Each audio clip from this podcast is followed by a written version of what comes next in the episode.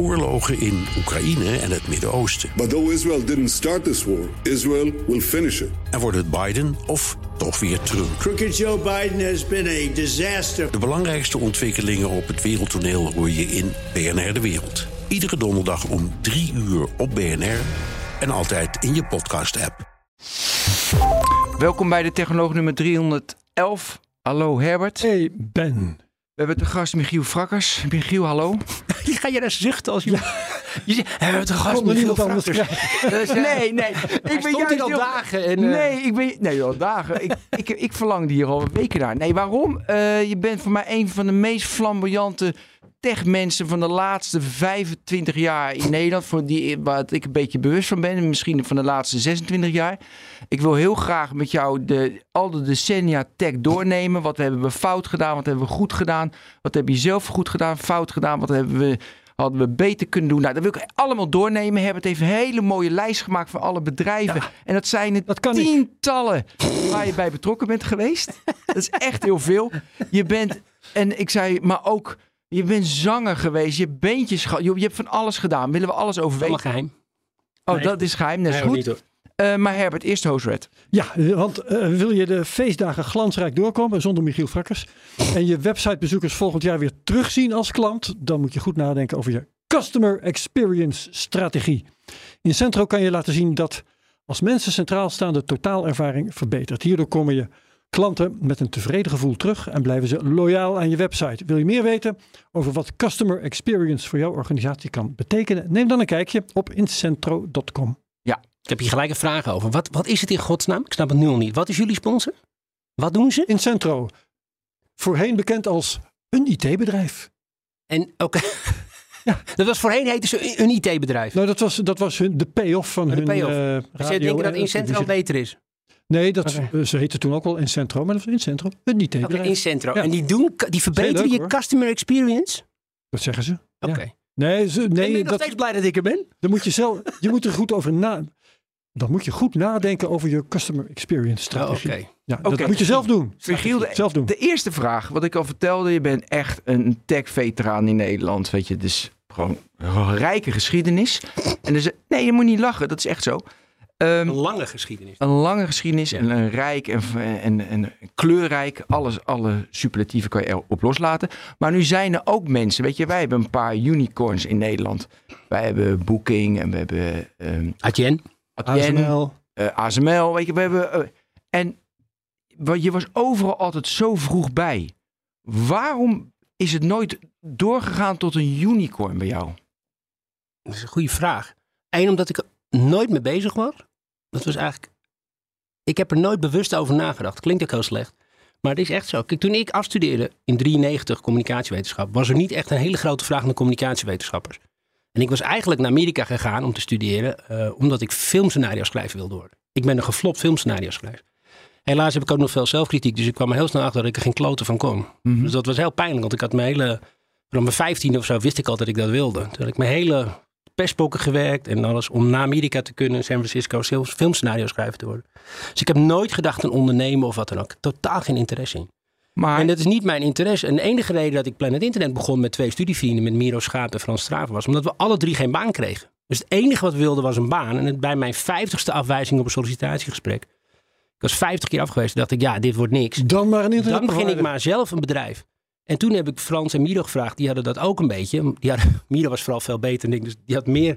Die kon nog professor op de UvA worden. Is uiteindelijk ook geworden. Eh, die kon promoveren. En ik ben toen ook nog uitgenodigd om te promoveren. Maar volgens mij deden ze dat meer als. Omdat, je, een beetje, omdat ze mijn zielenpoot vonden. Dus eh, kan ik dan concluderen, je kan, een, je kan eigenlijk alleen maar een unicorn worden als je echt vanaf het begin daar vol voor gaat. Ik denk dat het heel erg hebt, helpt. Dat het heel erg belangrijk Een is. heel beroemde anekdote waar ik echt heel veel last van heb gehad. Is dat in ons eerste businessplan van Planet Internet had ik geen BTW meegenomen. Omdat ik niet wist wat het was. Ik, ik, het stond, wel- ik had gewoon gedacht, die is voor ons. Dat is iets wat je ook nog krijgt. Ik had nooit nagedacht. Mijn moeder is reislijster. Mijn stiefvader is ober. Mijn vader die werkte bij de brandweer. Het is niet echt een rijke ondernemersgeschiedenis in de familie. Dus wel, ik wist helemaal niet wat dat was. Alleen het pijnlijke was dat KPN, Telegraaf, Wegener en Quote Media ook alle vier hadden gemist dat er geen BTW-afdracht in het businessplan zat. Het enige dat ik me op aan mocht houden. Want dat was natuurlijk de eerste maand gelijk een probleem, want we liepen gelijk uit de cashflow. Maar de baan was, eh, de Planet was een onderdeel van KPN toen? Nou, Planet heb ik Ja. eigenlijk heel, was een heel simpel kort verhaal, is dat wij dat hadden bedacht. En ik ben overal geweest, IBM, Philips. Ik had persberichten over mijn scriptie gestuurd. Frans en ik hadden een scriptie geschreven over succes en faalfactoren van interactieve media op de consumentenmarkt. Dat was ook niet echt heel sexy in 93. Maar er waren wel heel veel bedrijven bezig toen met CDI en met CD-ROMs. Dat was in die tijd. Vlak voor dat internet doorbrak. Maar voor dat onderzoek hebben we veel onderzoek op internet gedaan. Op de UvA. Miro zei, je moet even op internet kijken. Dan kun je veel wetenschappelijke artikelen vinden. En ik had in Amerika al internet gezien, omdat ik daar had gestudeerd. En ik had de mazzel dat toen, de maand dat ik afstudeerde, kwam de browser uit. En opeens was internet in plaats van zwart Mozaïek. met groene letters, kwam mozaïek uit. Toen zag je opeens plaatjes en foto's hebben. En ook al testjes met video, weet je wel, we te klooien. En toen dacht ik in één keer, ja, het is een medium. En ik had stage gelopen bij Quote, het jaar ervoor, om een sportweekblad te beginnen. Ja. Dat Sportweek heb ik bedacht ooit. Het blad Sportweek. Je moet niet te Ehm, veel claimen, hè? Dat, Nee, dat, heb ik, nee, dat hebben wij ook gedeponeerd. Nadat het vijf jaar daarna vrij viel. Toen heeft eh, Lo- Frans Lomans de naam genomen. Maar het, het was ook een mislukkingssportweek. Het kwam ook uit. Dat was mijn eerste les met ondernemerschap. Je gaat eerst naar de klanten toe. En toen bleek dat... ik heb 65 mediaplanners gesproken. 63 zeiden geen interesse. Eén zei misschien. En eentje zei ja. En toen zei Van de Biggelaar van Quote... Ja, dit wordt dus niks. Sportweekblad gaan we dus nooit doen. Dus het is voor mij ook geen verbazing dat Sportweek gesno- ge- geflopt is. En uiteindelijk als je zo op die manier de ondernemerschap rolt... zonder dat je er bewust over nadenkt... denk ik dat het je altijd beperkt. In mijn geval uiteindelijk heb ik een internetprovider bedacht met de jongens... dat het er niet was. En het leek ons heel erg leuk, want meer niet. En we wilden graag een baan. En alleen bij KPN zaten we toen... toen draaide eh, iemand van KPN, die draaide op zijn printertje op zijn bureau iets uit. Die zei, ja, dan krijg jij 5% van de aandelen. Zo is het gegaan. En Zonder niet dat omdat ik erom vroeg. Ik heb er nooit om gevraagd. Ik was, het eerste wat ik zei was... eh, maar moet ik dan 4,9 betalen? Ik dacht dat ik Oh, moest ja. betalen, dat ik dan moest meestorten. Was het 4,9 of was het echt 5? Want bij 4,9 kan je het privé Vijf houden. vanuit mijn BV. Mystic Media. Want dat, blad, dat spel Mist, kent Herbert nog wel? Dat is een computerspel Mist. Daar had ik mijn bedrijf nog genoemd, Mystic Media. En in het, die man van KPN luisterde niet, zoals de meeste KPN'ers doen. Die schreef op Magic Media. Dacht ik, ah, dat is ook wel leuk. En uiteindelijk wilde KPN mij die aandelen nooit geven, omdat het bedrijf te veel waard werd. Planet Internet werd erg groot. Het liep inderdaad, de omzet liep naar miljarden. Dat ging vrij hard. Huh? En eh, ja, Wacht even, Planet Internet miljarden. Mensen nemen een abonnementje af. ja, ga maar rekenen. Ja, Als jij, als jij op een gegeven moment eh 5 miljoen klanten hebt.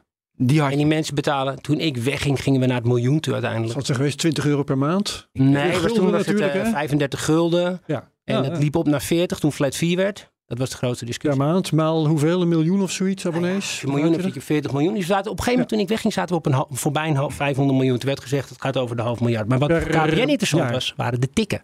En die moet je meetellen. Ja. Oh, in die tijd kwamen de tikken Ja. erbovenop. De Dus het liep heel snel in de miljarden. Ja, ja, Ja, want als je een miljoen hebt, eh, 40 euro keer 12 heb je 480 miljoen. En dan die... eh je- wat je daarom moest wilden zij die flat fee niet afschaffen. Eh, niet naar flat fee toe bij KPN. Omdat de tikken business zoveel opleverde. Mensen moesten vroeger, voordat Ja, flat ja, fee ja. internet er was, met een modem inbellen. Ja, dat kan eh, mensen als daar Ja, niet aan die, denken. niet voorstellen. Die kunnen zich niet voorstellen. En dat maakte voor KPN het heel interessant. Alleen in mijn geval was het zo dat ik had nooit om die aandelen gevraagd. En alleen toen ze ze niet wilden geven, want toen zeiden ze, ja, dan ben je rijker dan Wim Dik, de toenmalige CEO. Kijk, volgens mij, als mijn 5% veel waard is, zijn jullie 95 toch ook veel waard? Ja. En in de eerste instantie heel kort was, eh, had ik 5%, Quote had 20%. Die had me heel erg geholpen. Eh KPN is, eh, 75 dus. En toen is Wegener erbij gekomen en Telegraaf. Dus in één keer had je... En toen heb ik heel veel geleerd over governance. Maar heel even wachten, wat was je waardering dan? Want eh, het was gewoon dus- nominaal. Dus je begon een bedrijf toen met 40.000 gulden begin je een BV. Ja, wel, maar Nee, toen want je zeg maar met die 5% zelf 5%. moeten storten. Nee, want jij zegt een, een miljard omzet. Nou, ik geloof je direct die 480 miljoen met abonnementen plus die tikken. Nou, een miljard, prima. Maar hoe berekenen ze dan dat die 5% dan... De waarde van het Nou, dat, was, bedrijf. dat is exact de grote discussie natuurlijk. KPN zei natuurlijk, ja, maar dit bedrijf is natuurlijk geen miljard waard. Want ja, de winst is natuurlijk helemaal niks. Maar toen kwam er een Duitse bank, die kwam met een analyse uit van KPN. KPN ging naar de beurs in juni 94. Ja. Mijn grote geluk was, de browser kwam uit in september 93. Dat ik doordat dat KPN naar de beurs ging en dat ze geen internetstrategie hadden. Ik was intussen overal afgewezen, al een jaar lang met het idee van Planet Internet. Ja. En toen, op een gegeven moment, eh, kwam er iemand van de KPN lesgeven op de UvA. Toen heeft een professor van mij gezegd, je bent al afgestudeerd, maar doe maar net of je er weer zit. Ik zet je op rij 1 en in de pauze introduceer ik je voor het rare plan van het internet van je. Ja. Dat vergat hij uiteraard, zoals de meeste professoren. Mhm. Die man heb ik toen letterlijk aangesproken, koffie gegeven. En gezegd, we hebben een idee waarmee je in het eerste jaar... Maar ik wil 11 even terug gulden naar die waardering. Dus ze, Ah, naar die waardering. Nou, die waardering uiteindelijk, die discussie is natuurlijk eindeloos. Want je kan waarderen op cashflow, je kan waarderen op assets, op klantenbasis, op winst. Maar wij groeiden en we moesten ADSL gaan doen. En een van de grote momenten in mijn leven dat ik echt het zweet me in mijn handen stond. Dat ik helemaal rood werd. Dat ik het zo over mijn hoofd voelde gaan naar mijn nek. Was toen we in een meeting zaten en iemand zei van, eh, ja, wanneer wil je ADSL doen?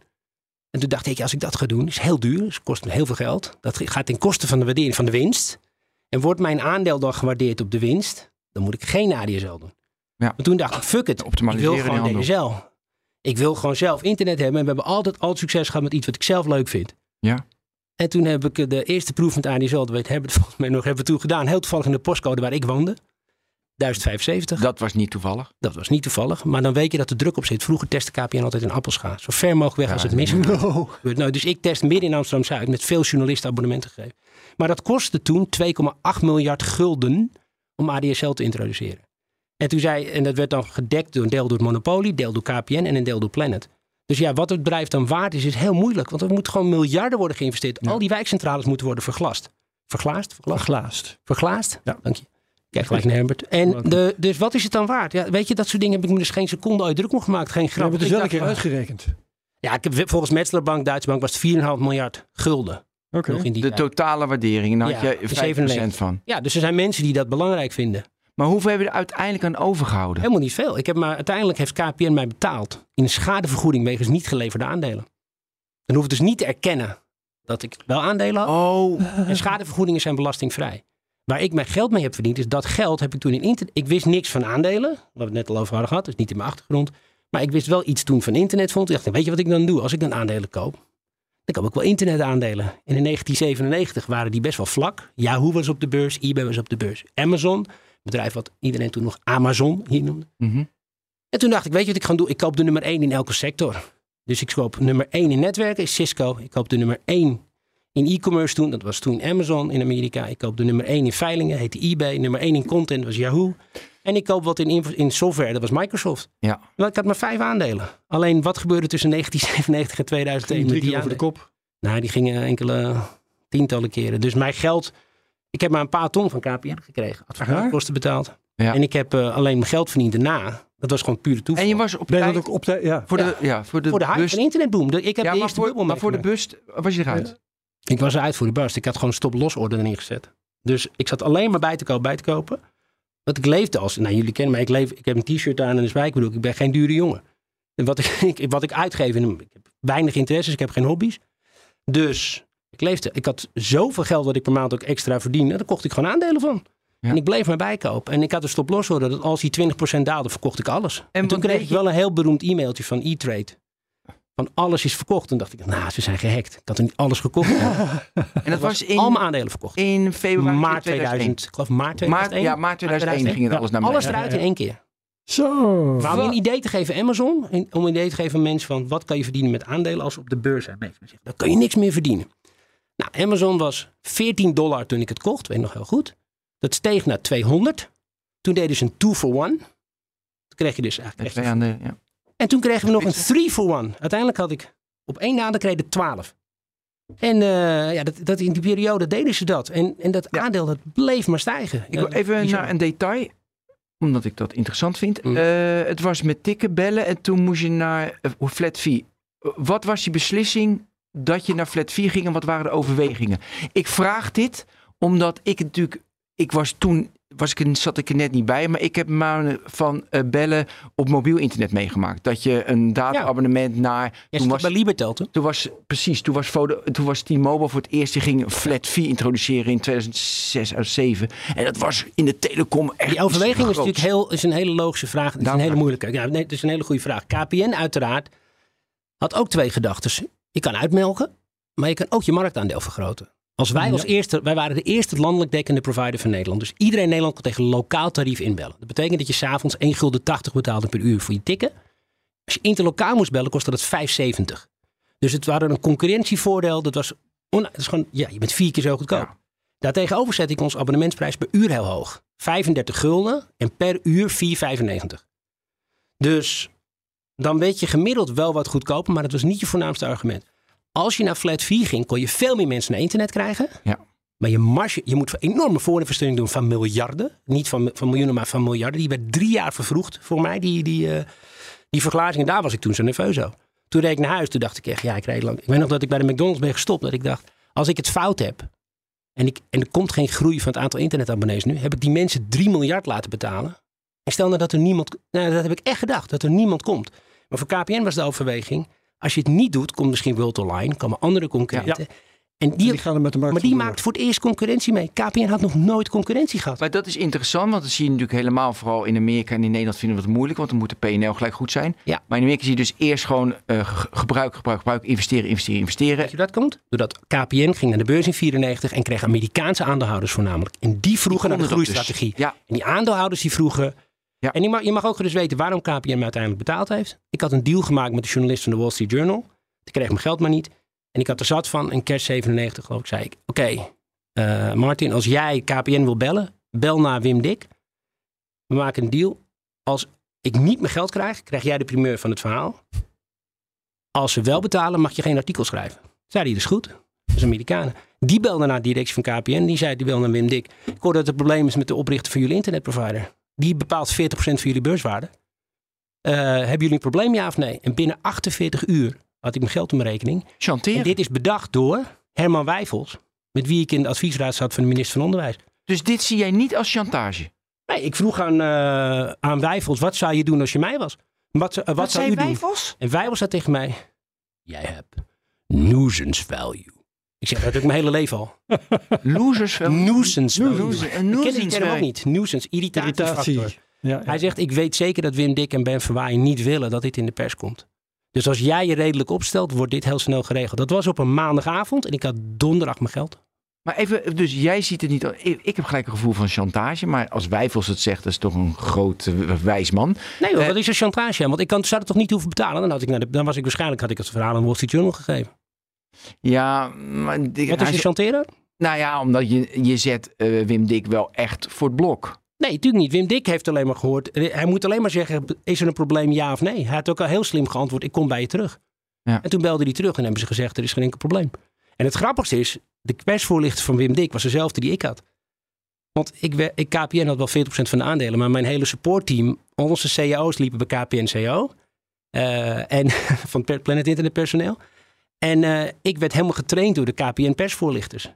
Dus het grappigste is nog dat ik wist, het, ik had, ja, ze hadden het- dus ik had ook de huisnummers. Ik heb die vent laten bellen naar de thuisnummers van de voorlichters. Was, mobiele telefoons waren niet zo populair toen nog. Nee, dat is waar. Herbert, hoe kijk jij daarnaar? Eh, naar, dit, nou, ik, naar dit specifieke geval? ik krijg zin om Wim Dik te bellen, maar dat kan niet meer.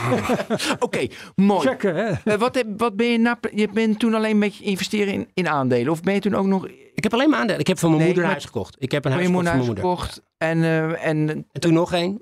Dus eh, wel de ene verkocht en de andere. en Dus, maar heb je toen, toen, toen ging je werken bij Quote? Of hoe, ging je... dat heb ik toen, toen ben ik een start-up begonnen, heet Bitmagic. Toen wilde ik naar Amerika. Ja, ik wilde met ook, Francisco van Jolen. Dat Ja, was, eh wacht Dit is even. heel goed. spektakel. Nou, dat gebeurt precies het omgekeerde. Dat was het bedrijf wat we echt... op- Bitmagic, moet even goed kaderen. Dus na ging je Bitmagic maken. Wat Ja. deed Bitmagic? Heel simpel was het idee dat mensen elke dag een leuk amusement zouden krijgen van vijf minuten. Dus vijf minuten filmpjes. Er zaten filmpjes in van 30 seconden, van een minuut. En het was voor het eerst dat de video op internet werd uitgezonden. Er kwam net, breedband kwam op. Je kon dus net langer, eh, je kon net video kijken. Het was een kleine player, die kon je downloaden op je desktop. was nog geen mobiel met apps. Dus het was alleen op je computer, kon je software downloaden. En dan automatisch elke dag haalde die nieuwe content op. En dat heette push-technologie, was toen heel populair. Eentje met nieuws, die heette Pointcast. En we hadden precies tegelijkertijd kwamen wij uit met Bitmagic. Dus het was net heel hot. Toen gebeurde het omgekeerde. Heel even. Ja. Jullie maakten de content of ook de Die, player? distribueer- die lieten wij produceren door studio's wereldwijd. We hadden eigen redactie en we hadden allemaal studio's. Dus het kostte Studio's, jullie maakten geen video's, die kocht je in. We, deels, deels maakten we zelf en een deel kochten we in. Dus en eh, Weet en je dat Finland, van dat spul op YouTube staat? heel veel, ja, tot mijn verbazing. Ja, ja. ik heb wel ja, eens stuurde die link. Ja, is allemaal gemaakt in Flash. Dus Erwin van der Zanden had die technologie gezien, nu de hoofdredacteur van Bright. Erwin had gezien, Flash het wordt een hele populaire technologie. Dat was toen nog van een bedrijf dat heette Future Splash. En we hebben ons hele bedrijf gebaseerd op die technologie voor animatie en video. En toen kocht Macromedia kocht het. Toen was het de wereldstandaard. Toen hadden we net geluk en wij waren de enige met een player. Dus we hadden we alles win mee. dat hè? zelf een player gemaakt. Dus Zelf een player. Ja. als je die, Dan, die filmpjes terugziet, wat denk je dan? Nee, het was niet best. Dat Nee. Was ook, nee, het was niet best. Die spelletjes deden het heel goed. We hadden achteraf moet met de spelletjes moeten doen. Ja, ja, ja. Er zit ook één spelletje in per Ik. Maar ik, heb echt de ver- verbazing, met verbazing heb ik dat uh, terug eh, maar dat is gezien. 25 jaar oud, hè? domme filmpjes zijn Ja, dat. dat was ook wat je toen kon maken. Dan hadden we uit Hongarije kwamen die, die Helemaal die niet grappig. Van uit Hongarije en Ja. allemaal visueel. Maar en het punt was, dat bedrijf had ik opgericht. was een idee van Francisco van Jolen, journalist. En die werkte bij mij bij, de, bij Planet. Dat was echt de bedoeling om naar de beurs te brengen. Dat was precies andersom als Planet. Welk ik jaar wist toen, ik was dit? wist 97 tot 2001. Ik wilde als eerste Nederlander het bedrijf naar de Nasdaq brengen. Ik wist dat er 100 op de Nasdaq stonden uit Israël. En ik vond het belachelijk dat de Israëli's het wel konden, wij niet. Het was mijn, mijn grote frustratie. Nu ga ik het zelf doen. Ik ga het helemaal in controle houden. Toen hadden we alleen een businessplan. Van Roel Pieper, die deed mee. Dat was toen eh, echt de Mhm. Ja, dat van Nederland. Ja. Roel stapte als De eerste in. En de dag nadat Roel instapte, om je een idee te geven hoe dit ging, belde Gilde Investments op en die zeiden: We willen voor 49% geven je 10 miljoen gulden. Dus 10 een waardering miljoen even gulden snel voor 20. Met alleen een businessplan. En dat businessplan was 21 pagina's, inclusief dit keer B2-afdracht. Ehm, en wat verdiende Bitmagic zijn geld mee?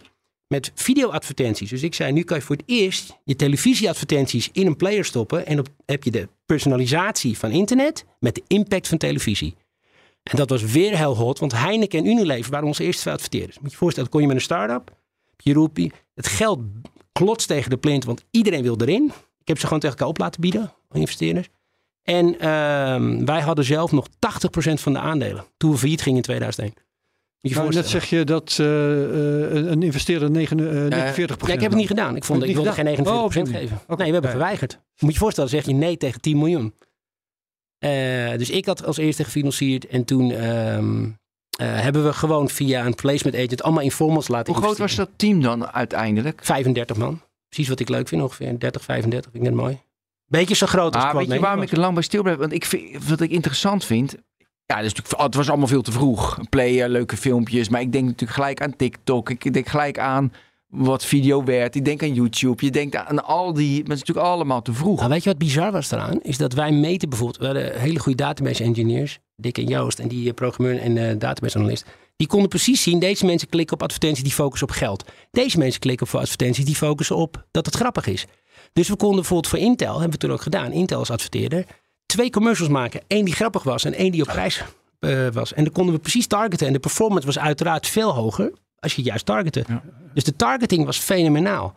Het enige probleem was, het was veel te vroeg. Niemand wilde filmpjes nog kijken op zijn computer. Mensen zagen de klopt. computer helemaal niet als entertainment medium. Nee, ik, ik, heb, ik heb die software niet. toen ook geïnstalleerd, maar ik vergat elke dag om daarnaar te Exact. kijken. Dat was totaal niet, uh, Maar totaal om je niet idee te geven, we hadden miljoenen downloads. En dan keek je naar het dagelijks aantal kijkers, misschien 150.000. Ja, Dus ja, je- ja. je had 99% waste, denk ik. Maar dat, eh, dat, een bedrijf met 35 man, dat zijn kosten. Hè? Ja. Dan heb je het nog niet eens over het laten produceren van die filmpjes en zo. nee, klopt. Ehm, je zegt, jij zat er voor 80% in? Nee, op goed? mij het hele team. Ik had als eerste personeel had 25%. Ja. Ik had 50 en dan eh, de rest, van, de rest, had, eh, de rest waren wat informal investors. En kreeg het personeel die, die 25% ook door zelf te investeren? Of Nee. kregen, die kregen ze als, als personeel? Oké, maar waar kwam het geld dan vandaan? Wie, eh, Die investeerders die stopten er geld in. En wat ik de- geen deed, geen grap. Maar dit ook zo. Ik maakte een grap van. Elk jaar verdubbelde ik de koers. We zijn begonnen op 2 gulden 5. Toen 4 gulden 10. En toen 8 gulden 20. dat ik in Novotel. fictief natuurlijk. En dan zeiden ze gewoon, hoe kom je aan die koers? Zei ik, omdat ik denk dat ik het kan verkopen. Ik denk niet dat het op iets gebaseerd is. En dan zeiden ze gewoon, nou dat is een eerlijk verhaal. Maar als je met een lulkoek verhaal kwam bij investeerders van, nou dit is gebaseerd op basis van, eh, dat moet je gewoon niet doen. Je kan beter Ja. zeggen, dit is gewoon omdat we nu een milestone verder zijn. Maar elk jaar eh, legden ze ook nieuw geld in. ja, er zijn mensen die steeds hebben bijgekocht. Roel Pieper heeft bijgekocht tot met 2001. Weet je Hoeveel geld heb je opgemaakt daar? Ik denk even in totaal, goede vraag. Ik denk 7 of 8 miljoen gulden. Oké. En van Roel meer dan een miljoen. Ik denk van Roel anderhalf miljoen gulden. En ik weet nog dat ik toen Roel belde. Ik zeg, nou, we hebben het niet gered. We, we gaan gewoon stoppen. Want ik wil niet van investeerders nu geld halen. Want na 2001 wisten we gewoon, dit gaat nooit meer winst maken. Dus ik zeg, ik ga niet naar investeerders terug om geld op te halen als ik niet denk dat we winst kunnen maken. Dat moet je niet doen. Al dat geld is gewoon verdwenen. En toen zei Roel, nou heb je het spel goed gespeeld? En toen zei hij, wat doe je volgende week vrijdag? toen zei ik, eh, ja, weet ik niet. Ik ben niet echt met mijn hoofd nu bij leuke dingen. Zei hij, ja, ik geef een Halloweenfeest. Kom je ook? En dat vind ik wel, ik heb een van Roel echt, Roel, eh, daarom, er zijn heel veel verhalen over Roel Pieper, maar ik heb over die man, ik heb echt Dat is een alleen maar, ik vind dat zo fantastisch. Ik deed even 35 man keer 60.000 keer 4 jaar is 8,4 miljoen. Dus Dus zal in die orde groot. in, groot. Weet je waar het volgens mij ook eh, in zit? Dankjewel. Kijk, je, je denkt van, kijk, in het in- op het internet moet je, je de vraag moet je in orde hebben. Dus Google begon ook in die tijd. En Google, mensen wilden allemaal iets zoeken. Dus de vraag was er. En daarna komt het aanbod. Jij begon met het aanbod. Ja, en die vraag, want ik kwam op toen jij zei, ik keek er niet naar. Exact. Want je had de vraag niet onder controle. Nee, er was helemaal geen vraag naar. Sterker Nee. nog, ik denk dat de mensen computers helemaal niet zagen als entertainment medium in 1998. Nee, om je 99. werk te doen. Het was gewoon een werkding. Ja. Dat was, weet maar je, waar, kijk, nu achteraf kan je makkelijk zeggen, joh, je had de, de, de, de vragen niet onder controle. Daar had je op Of was moeten gewoon zijn richten. tijd ver vooruit. Nee, Nee, was- nee, nee, ik gedachte was niet goed. Nee, de gedachte is niet goed. Weet je exact wat Ben zegt is het hebben? Weet je waarom? De gedachte moet nooit zijn, ik ga een bedrijf beginnen wat ik naar de Nasdaq breng. Dus ik ga een bedrijf maken wat helemaal gericht is op optimaliseren van advertenties. Wij waren, eh, Macromedia nodigde ons uit in San Francisco. Die zaten twee straten verder. En die zeiden gewoon, kom ik langs. Had. Heel Macromedia had onze player. Dan denk je echt, nou dit wordt helemaal top hè. En die man zei gewoon, je hebt twee keuzes. Of je verkoopt het voor bijna niks. Of ik begin een rechtszaak tegen jullie dat jullie onze technologielicentie misbruiken. Mooi. Zijn bijnaam was eh, Rob Burgess, The Cold Wind from the North. Dat was een Canadees. Dat was zijn bijnaam, The Cold Wind from the North. Die man is na de hand, niet verbazingwekkend, overvallen in zijn eigen huis en twee uur lang mishandeld. En weet je wat toen geen grap, de grap was in, in Silicon Valley? Waarschijnlijk iemand die hem kende. er was niks gestolen, hij was twee uur lang mishandeld. Hoe is het nu met hem? Zoek je hem dan, dan nog wel eens op? Ik zoek mensen wel eens op. Ik kon hem niet meer vinden. Het is wel grappig dat je dat zegt. Ik geloof die is overleden. Maar welke keuze Dus, heb, je, ge- heb je gedaan? Ik zei, eh, ja, ik zeg, eh pick a finger. Ik, Kom maar. Ik doe natuurlijk. Ik ben, eh, daar ben ik niet van onder de indruk. Dat interesseert me niet. Als jij denkt, begin met een rechtszaak, sluit aan in een lange rij, zeiden we dan. Nee, daar ben ik niet van onder de indruk. Doe maar. Wat een gelul. En Het is die gewoon een dus, poging om het goedkoop het hele bedrijf juist, over die te is dus niet gekomen, die rechtszaak. Nee, die is niet gekomen. Oké. Dus, en weet je wat daar heel raar aan was? Even nog een wat anekdote hoe je kan zien dat er iets misgaat in een bedrijf. Ik zat bij de receptie en ik kijk altijd heel erg strak rond in recepties. Hier ook, weet je, hoe ze dit hebben volgebouwd. En ik zag dat de Wall Street Journal die er lag stond op naam van een vent. Het is Steve nog iets. Maar ik zag dat die vent, was, die zou in die afspraak zijn, die was er niet. En toen zei ik, waar is die vent? Dat is jullie CTO, waar is Steve? Steve's not here. Dus ik gelijk rondvragen. Loop ik gewoon in de wc tegen hem aan en zei ik, hey, when did Steve leave? Zei die gozer, no, you know, Steve got canned four months ago. Dus de Steve, die blijkbaar zo'n grote goeroe was daar, sorry, dat hij wel de, het Wall Street Journal abonnement daar op zijn naam had staan. Maar die elk de meeting had geïnitieerd, die wilde met ons, ons overnemen. Die was weer tussen ontslagen door die Rob Burgess. Maar die zaten nog in het afkoopprocedure. Dus de truc om erachter te komen is gewoon op de wc binnenlopen in een Amerikaans bedrijf. Tegen iemand wat zeggen en dan kijken wat voor antwoord die geeft. Want meestal geven ze het eerlijk antwoord. Zou in Nederland zou iemand zeggen, wie ben je eigenlijk dat je dat vraagt? In Amerika denkt hij gewoon, het zal wel een nieuw hire zijn. Want er komen elke dag 25 nieuwe.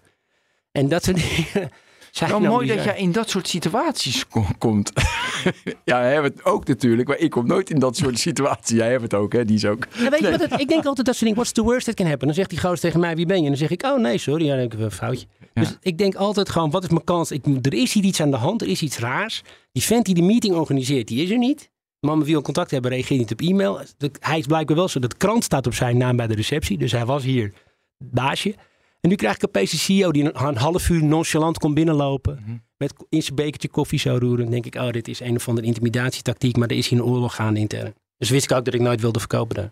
Even nog één ding over Bitmagic. En dan gaan we door naar de voor. Oh, ook hoe het fiet is gegaan natuurlijk. Dat moet ook nog horen. Maar ehm, had je toen in die tijd. Nu, weet je, TikTok. We willen een filmpje zien. En het filmpje wordt aangepast aan wat de persoon wil zien. En dan krijg je precies dat filmpje. En dan. eh, Nee, het grote is door. user-generated ben. TikTok is wat mensen zelf maken. Wij hebben een centrale redactie. Dat model is niet goed. Dat is de kern. Maar ik, ik probeer te verzinnen. Had je toen al iets vragen gestuurd kunnen maken? Nee, Google nee, deed dat. is een hele je, met vraag. search ging dat. Nee, absoluut. Je moet veel meer nadenken als je iets maakt. Ik had het bedrijf natuurlijk gemaakt op de adverteerders. En het bedrijf was niet opgezet voor de kijkers. Ja. Nou, dat is de fout. Ja, dat is de kernfout. En, dus en, gewoon niet de vraag. user-generated content was, was nog helemaal niet zo goed mogelijk op dat moment. Exact, het was niet mogelijk. We hebben er grappig genoeg wel naar gekeken. Maar dan moest je dus in een Oracle database, want daar ging dat. Dan moet je je voorstellen dat je vanaf een content server in die tijd filmpjes van verschillende bronnen. Dat kon gewoon niet. Punt. Nee. Dat, hoeft niet eens, dat is te Nee. lang. Dat kon niet. Eh, Toen, eh, in het, toen ging het failliet. Wees daar nog een, mooi, een mooie een, een learning uit te halen?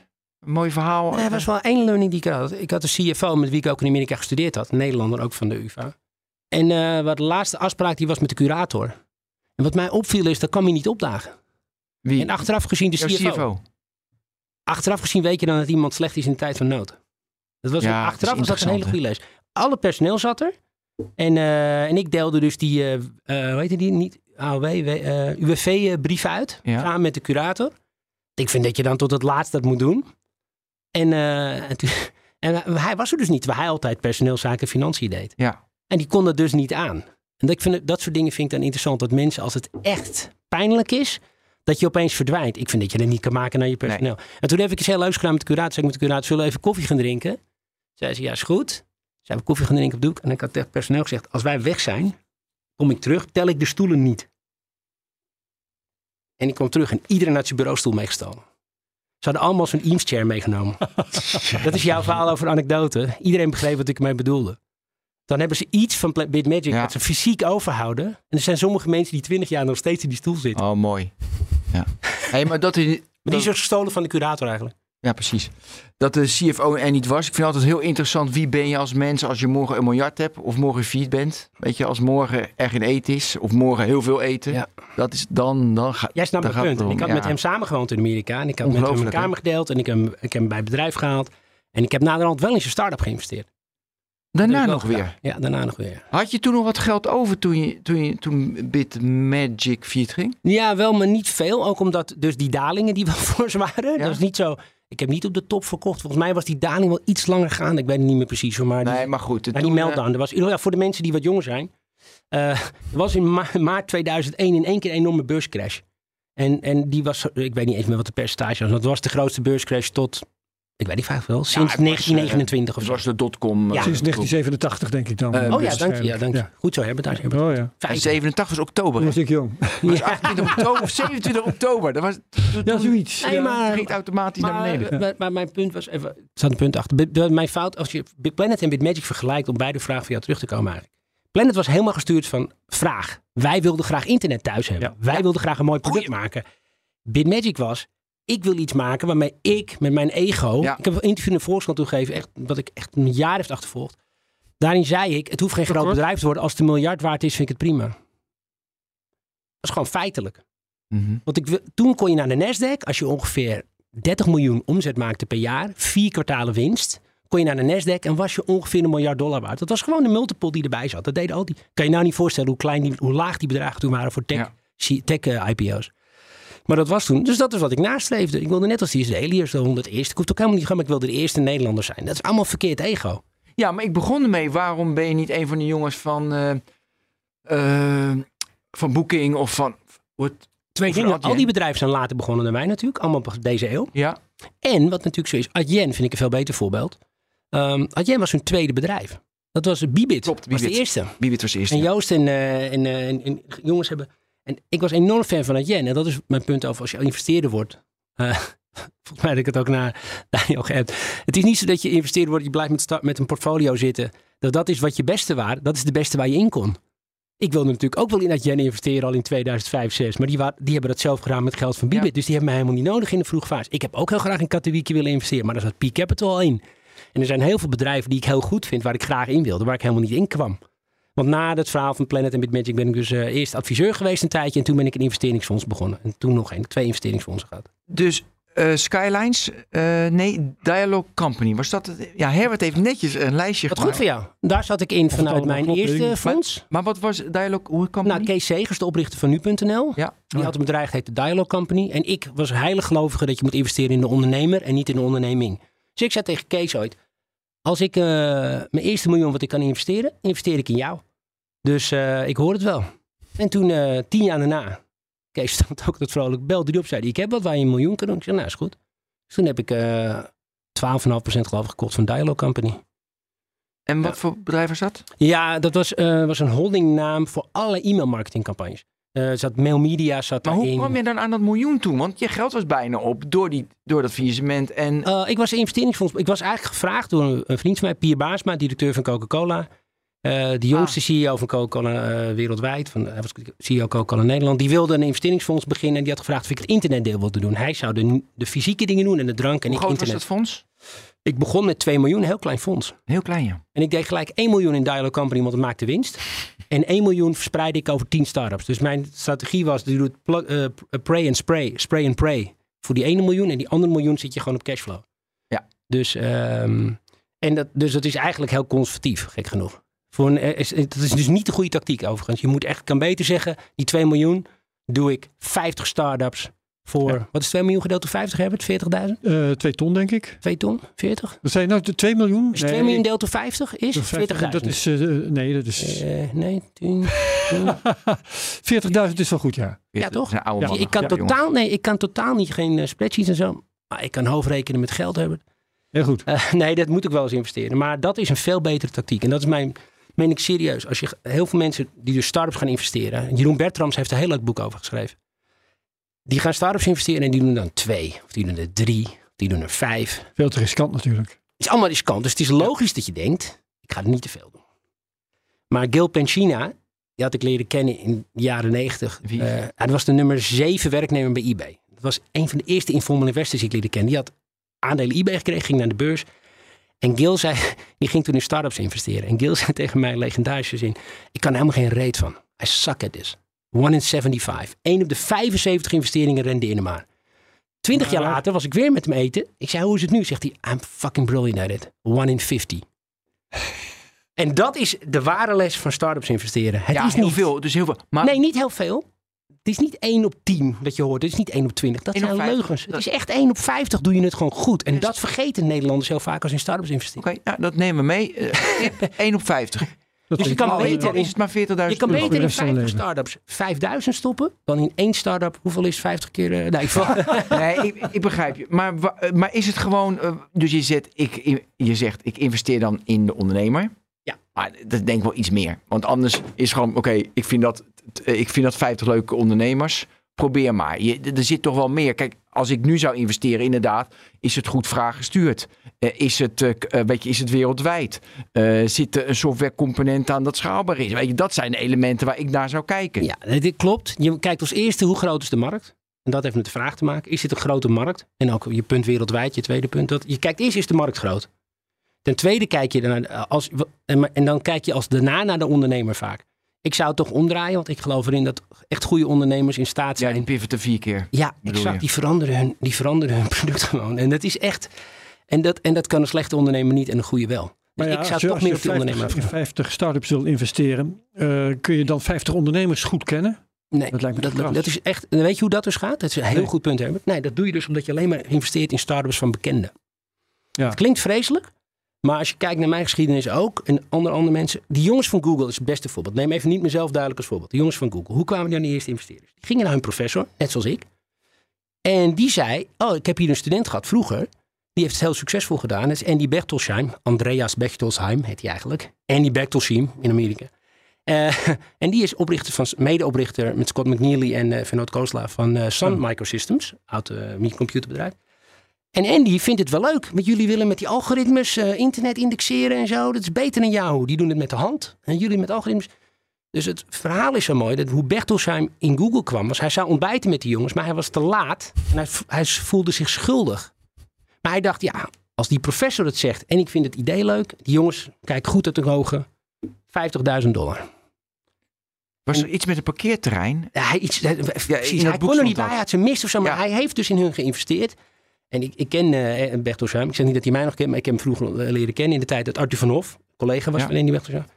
Dit, die jongens zijn, eer- zijn eerlijk in hoe dit gaat. Dit is geen grote strategie geweest van Andy Bertelsheim. Dus net als dat, uh, heet hij nou, die knakker, die, eh, die vriend van Trump, die eerste investeerder was in Facebook. Die, eh, Peter Thiel. Thiel. Thiel. Ja, ja, Die ja. gaat nu vertellen, when we built Facebook. Hij van heeft gewoon to one. 500.000 dollar erin gestopt. Dat was voor hem één van de 50. En het was toeval. Hij kan nu zeggen, ik heb het altijd in Mark zien zitten. Dat is gewoon gelul. Het is gewoon niet waar. En mijn persoonlijke beste voorbeelden heb ik voor jou. Mijn mislukkingen zijn veel leuker namen. Ja, weet ik. Mijn favoriete boek is Steven Schnarr's Mega Mistakes. Niet Mega Trends van Naisbitt. Ik heb wel eens een jaar elkaar geraden. Lees over die mislukkingen. Die zijn Mega mistakes. Mega mistakes. Ehm Gil Pescina zei tegen mij tien jaar geleden: "Ah, ik heb een Doe mee. Ook al doe je met 1000 dollar. Self-driving cars. Ja, flikker toch op, man. Het is jaren weg. Dit wordt helemaal niks. Dat was dus Cruise. Verkocht in General Motors voor anderhalf miljard binnen twee jaar, geloof ik. Tweede zei hij: ja, iets met scheerapparaat en abonnement. Dit is. Ik zei, ah, rot toch op, man. Scheerapparaat. Wat is dit voor Jee. gek? Dit heeft niks met technologie Ja, te maken. alle succesverhalen ga je nu vertellen. En hij, ik deed dus niet mee, hè? Nee. Ik deed dus, ik wist het natuurlijk beter. Dus ik zei, dat doe ik niet. Ik ben investeerder nu, ik ben serieus. En dat gaan we niet doen. En wij gaan niet in de Dollar Shave Club. 1 miljard Unilever. Weet ik, ja. En de derde, nog ergens, ben ik vergeten. is er nog één geweest? Ik heb het ooit aan Herbert verteld. En ik, maar het is mijn geheugen. Kom maar Ik ook, op hoor. Nee, maar het weet ik dus niet meer. Mijn punt is, ik ben, ik ben zo gewend aan mislukkingen. En of verkeerde beslissingen. Dat ik gewoon die, ik, deze twee vond ik leuk. Want ik ook Hij is zijn derde miljard gewoon Mijn derde vergeten. miljard Maar vergeten. je hebt maar toch wel in je leven één keer succes gehad? Echt succes? Dat zeg ik net. Dit is een serieuze je moet vraag. beter in beursgenoteerde bedrijven investeren dan Oh, ja. in startups. Ik ben een hele slechte investeerder. Maar iemand zei tegen mij, Waarom ben je ja, maar je doet het voor je werk. En Ja. toen zei ik, ik heb niet gezegd dat ik er goed in ben. Ik ben investeerder geworden omdat ik na Bitmagic ben ik vijf jaar adviseur geweest. Vond ik echt heel leuk.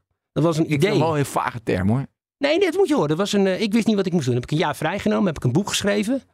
Eh, mijn boek kwam uit op 10 september 2001. Dat bleek helemaal geen Mooi, goede datum voor een lancering voor een boek. Ja. Eh, over de eerste 10 jaar internetopkomst. Eh, enorm goede recensie, was ik heel blij mee. Maar is ook grotendeels bedacht door Marcel Metsen, Nederlands beste ja. non-fictieschrijver. Dat was mijn eindredacteur. Een boek over Ik had gewoon de helft van mijn fee aan Marcel Metsen gegeven. Dan wist ik dat ik een goed boek had. Ja. Hij zei gewoon 200 woorden hierover, 300 daarover. Hij heeft een hele boek gestructureerd. Daarom was het een goed boek. Niet door mij, maar door Marcel. Ehm, en dat boek had ik aan... eh, toen deed ik het tv-programma waar ik de gast was. Menstalk. Heel slecht tv-programma. Vond ik heel leuk. Ik had niks te doen. Ik had een jaar sabbatical. Boek geschreven. Ik verveelde me te pletteren. Ik was ook helemaal niet gewend aan niks doen. En toen eh, kwam ik de manager van Marco Borsato tegen. Paul Brinks. En die zei tegen mij, weet je wat jij. Ik zei, wat zou je nou doen als je mij was? Ik weet niet, ik wil geen start-up meer. Ik vind het helemaal niet leuk. Ik heb het tien jaar gedaan. En ik ben er kaal, grijs en dik en lelijk van geworden. En ik was echt een mooie jongen. Dus wat zou je nou doen als je mij was? Ik was 31, hè? Ja. En ik zeg, normaal worden spelers nu trainer. Toen zei hij, weet je, wat je gaat doen? je hoeft helemaal niet te kiezen. Ga gewoon eens eh, zeggen tegen mensen dat je ze wel wil helpen. Dat is eigenlijk wel een grappig idee. Ik ken iedereen om me heen. Kijk, je moet vergeten, je hele supportkast om je heen, dat men fiscalist, advocaten. De hele, er zit een team om je heen op dat moment van iedereen die wacht op je volgende start-up. Dat is helemaal niet gek, want dat is hun beroep. Ze helpen ondernemers. Ja. Maar ik wist helemaal niet of ik ondernemer wilde zijn. En ik wist toen zeker na een jaar dat ik het absoluut niet wou. En toen ben ik gewoon bij Quote weer. Heb ik gewoon Maarten van der Bichelaar gebeld. Kan ik ergens mee helpen? Kan ik weer stage lopen? Net als in 91. Ik zei Maarten, nou, eh, internet gaat een beetje mis. Kun je helpen? En ik heb een vriend Duncan Stuttheim leren kennen. En Duncan zei, eh, kan je mij helpen met, eh, met e-ticketing? Al die namen in Ja. onze in Dus ik had gewoon geluk. Dus ik had gewoon geluk. En toen heb ik ook, eh, ben ik gebeld door het ministerie van Verkeer en Waterstaat. Die zeiden, we hebben een probleem met de overchipkaart. En eh, we hebben het uitbesteed te bouwen aan een consortium. Zou je kunnen bemiddelen en helpen omdat, omdat het werkend wordt? Dat het ding het ooit gaat doen. Oh. En toen heb ik dat gedaan, die drie dingen. Hoe zou eh, Nederland eruit hebben gezien als jij niet geboren was geweest? ja, die, die indruk krijg ik nu. Hè? Nee, maar wat is, wat is er gek. Nee, maar het is toch, ik had stage gelopen bij Quote. Dus het is heel normaal dat je toch naar je oude stagebaas belt. tuurlijk. Heb je nog een baan? Oké. En het is dus, ja, Ja, maar toch? jij, het is Ja. niet, jij denkt dat neem erop is, maar daar had ik stage Nee, gelopen. ik, weet- nee, maar ik moet natuurlijk onwijs lachen hierom allemaal. Want ik hoor al die namen denk ik... En bij Duncan Stuttheim, Oh. ik moet je voorstellen, Ben, ik was nog nooit op een housefeest geweest. Want ik had alleen maar gewerkt tien jaar lang. Ik was nog nooit. Ik ging eh, adviseren bij een bedrijf die een product maakte. Ik had een hekel aan die muziek. Vond lawaai. Mijn hele familie, familie bestaat uit Indo's die spelen gitaar. En dan komt er een DJ die zet handjes in de lucht, de roof is on fire. En nu bleek ik dus dat ik dat heel veel heb geleerd bij die gasten. Want ik merkte dat die heel gepassioneerd waren over muziek. En dat ze het Ja. heel serieus nemen. En ik vond het echt te gek. En ik heb toen het e-ticketing inderdaad bij zich uh, gehelp, mee helpen doen. En bij de OV-chipkaart, ik had nog nooit iets non-profit gedaan. Dus ik zei de hele tijd, maar hoe maken we hier ooit winst? Maar wat deed je dan concreet? Bij de OV-chipkaart of bij... Bijvoorbeeld eh, als adviseur. Nou, bijvoorbeeld bij Quote heel duidelijk heb ik een website eh, gemaakt. Dus die hadden ze niet. Eh, niet echt. En daar hebben we een weblog 2002 of zo. Een weblog? Quote net gemaakt. Ja, 9 to 5. eh, Nee, gewoon een weblog. QuoteNet Oh. had een weblog. Met Oké. journalisten die elk uur een artikel produceren. En Ja. Quote was een tijdschrift. En ik heb toen de Quote 500 eh, mede online gezet, indexeerbaar. Met als grootste probleem wat ik daarmee had, dat ik echt schuldig afvoelde naar de rand. Zo- Quote kwam nadat ik weg was met een idee om per regio te laten zien hoe iemand rijk iemand was. ja, Ik ging enorm tegen. En toen is er iemand ontvoerd. Een 16-jarige jongen daar niet te wind. Die was ontvoerd door iemand uit Nieuw-Zeeland of Australië, een Nederlander die daar. Die via mijn hergeïndexeerde website precies de slachtoffers had kunnen uitkiezen. Over een nadelig gevolg van technologie gesproken. Ja. Dus daar hebben Jort en ik best wel een tikkie van gehad. En bij Quote, bij uh, Sorry Identity was gewoon e-ticketing introduceren. Dat was gewoon hartstikke leuk. Die verkochten nog een kaartjes bij. Dat kan je niet voorstellen. Mhm. Dat je in de rij moest staan bij een postkantoor. Moest je een kaart kopen. Dan stond je in de rij op vrijdagavond als je zaterdagochtend de kaart voor Sensation wilde. Dus het, is, het leek mij logisch als je dat vanaf een computer kon doen. Dus allemaal hele simpele, uh, ja, simpele ja, ja. dingen nu. En de OV-chipkaart was eigenlijk veel belangrijker. Helpen dat dit consortium wat de aanbesteding had gewonnen... die vochten elkaar de tent uit. Want in andere landen bleek dat die consortiumleden... Accenture, Thales, Vialis en Hongkong MTR... bleek ze tegen elkaar te concurreren op andere aanbestedingen. Dus de Ja. kans dat die nog samen gaan werken... is heel moeilijk, want ze willen elkaar niet slimmer maken. En daarom heeft hij over chipkaart zoveel uitstel gehad. Dus wat ik dan probeerde was aan een tafel te zitten als een neutrale persoon. En zeggen, jongens, hoe kunnen we nou gewoon zorgen dat we specificaties opschrijven en software gaan maken. Dat het ding ooit gaat werken.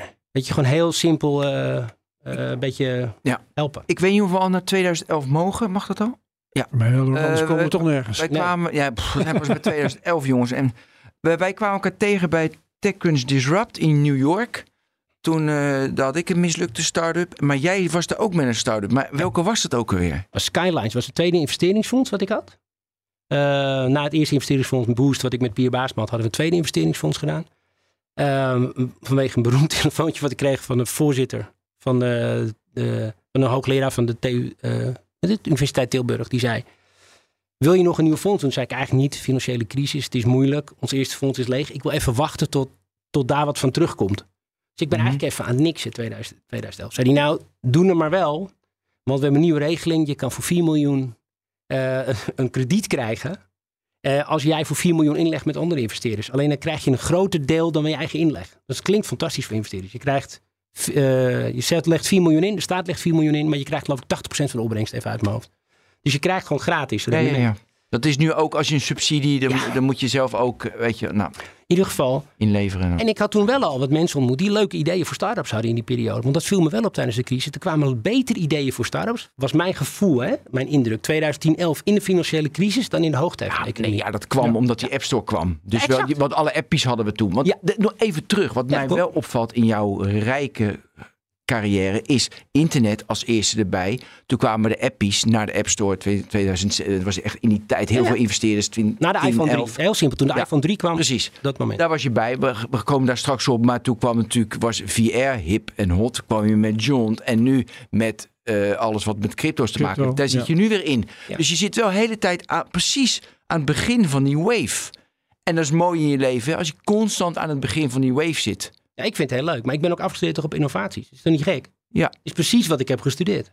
Maar heb je niet van hier, dit is mijn wie ik ben. Is het dan niet mooi? Daarom begon ik met die eerste vraag. Ehm, een unicorn. Is het dan niet mooi om te proberen een unicorn te maken? Maar die vraag heb ik al gesteld, dus die stel Nee, ik nee, niet. ik kan er misschien antwoord dat heel kort op geven. Ik heb heel jong Bill Gates ontmoet. Ik denk dat dat heel significant was. Ik, Herbert Ah. weet het, ik heb het Herbert een keer verteld. Heel lang geleden misschien. Ik had Bill Gates ontmoet. Ik zat in de adviescommissie van minister Ritsen.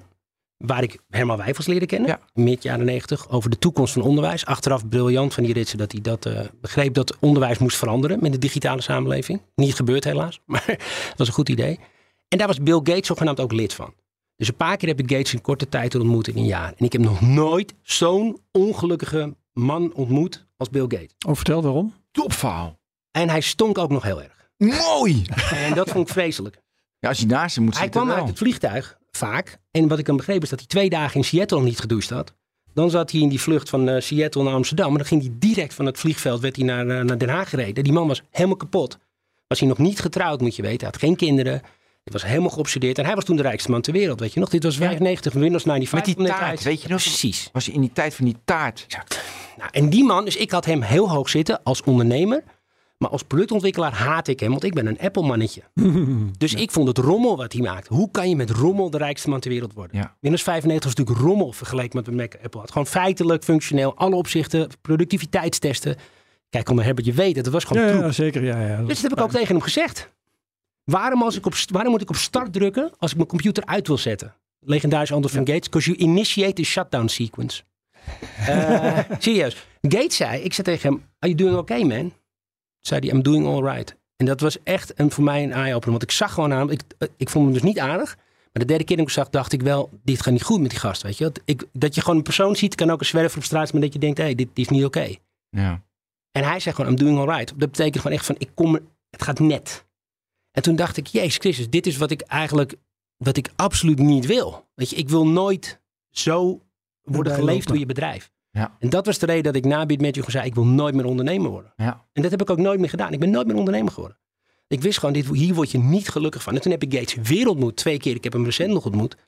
Ehm World Economic Forum in Davos. Want ik ben een van die reptielen die de wereld overneemt. En ehm, als jij ziet hoe blij die man nu is. Als jij Gates zag, dat meen ik echt heel belangrijk. Opgebloeid. Gates, nadat hij terug toen hij trouwde, het eerste wat hij deed, is stop als CEO. Is hij CTO geworden. Ja. Geen toeval. Eh, en toen hij kinderen kreeg, is hij bijna daarna gestopt met Microsoft. Er zit een, een fase in dat hij echt ging relativeren. Opeens dacht, ja, ik, ik vind er geen kloot aan. En toen is hij pas zijn geld gaan weggeven. Want toen ik Gates ontmoette in die periode, Ja, had hij nog nooit geld weggegeven. Nee. Alleen maar Microsoft software gaf hij. Ja. En Met zijn eigen stichting kocht hij Microsoft software. ja, nee, dat is een lekker cadeau. Hoe kijk je nu Maar naar da- Microsoft? Daarom is dat hele beeld van unicorns is zo'n misvatting met geluk. Dat is een totaal, een totaal misplaatst ik beeld. accepteer hem. Ik accepteer hem. ga er niet op door. Raymond, Nee. ja. Even een sidestep, even een sidestep. Hoe kijk je nu, want je, want je triggerde me met shitty products. Hoe kijk je nu naar Microsoft? Ja, on- ik heb nog nooit een bedrijf gezien dat zo'n omslag heeft gemaakt als Microsoft. Zo'n positieve omslag. Qua kwaliteit van de producten als qua grootte van het bedrijf. Apple kreeg alle publiciteit de laatste tien jaar. Dat Microsoft in market cap even groot was. Bijna niemand doorgaat. Dat ze hun hele businessmodel hebben veranderd. Van shrink-wrap software naar services. Nooit ergens gehoord. Die vent die daar nu zit moet een soort Ja, nou, tovenaar zijn. Die man is een Briljant. Die man is briljant. Hoor je nooit. Nou, Ik denk dat hij de meest onderschatte CEO Ja, is nee. ter wereld. dat is niet normaal. Echt niet normaal. En ook de kwaliteit van de producten. Nee, dat vind ik interessant dat je dat zegt. Want ik kwam op deze vraag. Want ik las een analyse dat Microsoft gewoon alles doet. Heel veel doet. En dan hebben ze zo'n lock-in bij heel veel bedrijven dat je wel Teams moet gebruiken. Maar de chat van een Slack is beter. Want dat is specifiek Slack chat. Maar ja, dat kunnen we niet meer ge- Ja, maar dan gebruiken vergelijk, je, dan vergelijk je op feature niveau. Wat ik altijd zeg, de fout is dat je dan vergelijkt op feature niveau in plaats van op productniveau of op services niveau. En je vergelijkt op feature niveau terwijl je moet vergelijken op bedrijfsniveau. Als je een aandeel koopt, koop je een aandeel in een bedrijf. Dus als belegger kijk je naar het bedrijf. Dan kijk ik niet naar één feature, maar dan kijk ik naar ik. hoe is de omzetverdeling. Hoeveel komt uit services? Hoeveel, komt uit, hoeveel is lange termijn omzet? Hoeveel is gegarandeerd? Moet je je voorstellen dat Microsoft zijn omzet heeft weten om te buigen van een elk jaar omzet moeten maken naar ik weet de komende vijf jaar de omzet van Microsoft. Ja. Dat is toveren. Of dat ene Slack feature dan slecht. Tuurlijk zullen zij Nee, de meeste zei de producten. producten zijn beter geworden. En daar sloeg ik op Ze aan. zijn waarschijnlijk heel veel dingen de V&D. Dus altijd de nummer twee in elke markt. Nou, dat, dat wil ik wel maar als jij de nummer twee bent in elke markt, Nee, en dat zijn het- allemaal miljardenmarkten, doe je het als ondernemer. cap, top. Ja, is dat goed. Maar het hele Maar beeld goed, even... ma- maak je aandeelhouders blij of maak je je gebruikers blij? Dat is natuurlijk ook... Ja, maar als jij nu Microsoft koopt, weet je wel dat het redelijk doet. Ja, oké. En, dat, en het is niet op alles misschien het beste, maar je zit ook niet mis. Beetje zoals vroeger Nee. met je, toen je IBM kocht, 20 jaar geleden. Nog nooit iemand ontslagen voor het eh, ja, Microsoft. van Microsoft. Ja. hey, we moeten even... Dus ik kwam je tegen bij Tech... Maar Skylines. Sky. Ja, heel simpel, we hadden geïnvesteerd in een app. Die heette Sky- Skylines. Ja, was een idee. dat was- en ja. Het leuke van Skylines vond ik dat je was een fotozoekmachine voor foto's. Wij dachten, foto's worden heel groot. ja. En ik had al tien jaar een fotoweblog. Ik was een, een geheime fotoweblog begonnen, niet onder eigen naam. En daar plaatste ik foto's wat ik de hele dag deed. Vanaf 2001, eerst met mijn digitale camera en toen met foto's. Voor vrienden en familie. Herbert staat er ook meerdere keer op, weet hij niet. Maar, eh, en dat heb ik, eh, en toen kwam Hives op in Nederland. Eh, dus toen heb ik iets minder op de foto's. Maar ik was altijd bezig met foto's. En ik ben bevriend met de jongens van Hives, met Floris en met Raymond. Eh, de oprichters van Hives. Dus wij waren altijd bezig met foto's. We zagen dat foto's scoorden. En eh, dus ik wilde heel erg iets toen de App Store uitkwam van Apple. In de iPhone 3 werd die significant. Toen kwam Android uit. Toen dachten we, die smartphones komen nu. Dus nu moet ik in de app gaan zitten. We hebben in Skylines geïnvesteerd. Was erg leuk. Je kon foto's zoeken op elk onderwerp. En dan haalde hij dat uit Twitter. Uit allerlei bronnen openbaar haalde die foto's. Het enige probleem was, er kwam een app drie weken voor Skylines uitkwam. Die heet Instagram. Ja, ik moet... Hij is altijd in mijn hoofd. Instagram. Instagram Jeetje, man. Oké, het was zelfs zo dat toen wij bij Disrupt in, eh, presenteerden, waar je bij was in New York, Ja. Martijn en uh, Panman en ik presenteren. En eh, toen stond Kevin Systrom in de zaal. De oprichter, een van de Ja. twee oprichters van Instagram. Waarom was dat? Eh, ik kende Kevin nog van Google. Ik was product manager Google. Een van de andere product managers zijn groep, waar Evan Williams en Bill Stone, die Twitter zijn begonnen. Het is, het is ongelooflijk hoeveel talent er uit Google kwam. Die groep van begin deze eeuw. Google had zulke goede medewerkers, de eerste duizend. En Kevin dacht dat wij een concurrent waren van, eh, van, van Instagram. En toen hij ons had gezien, liep ik naar hem toe. Toen zei ik, hoe vond je het gaan? Toen zei hij, I thought you guys, you did okay. eh, but you're not an issue. En toen wist ik al dat we dat waren. Dodelijk. Dus ik zei, oh, you thought we were competing. Ik zeg, nee, wij willen juist jouw data hebben. Ik zeg, ik wil een deal. Want wij zagen gewoon in onze zoekresultaten op Twitter... dat 90% van foto's op Twitter gedeeld waren allemaal van Instagram. Zeiden die filters. Ja. En toen zei hij, that's our gold. En toen we wisten eigenlijk dat we dood waren gelijk na de introductie... omdat hij nooit meer zijn foto's zou delen voor publiek doorzoeken. Facebook deed het ook niet.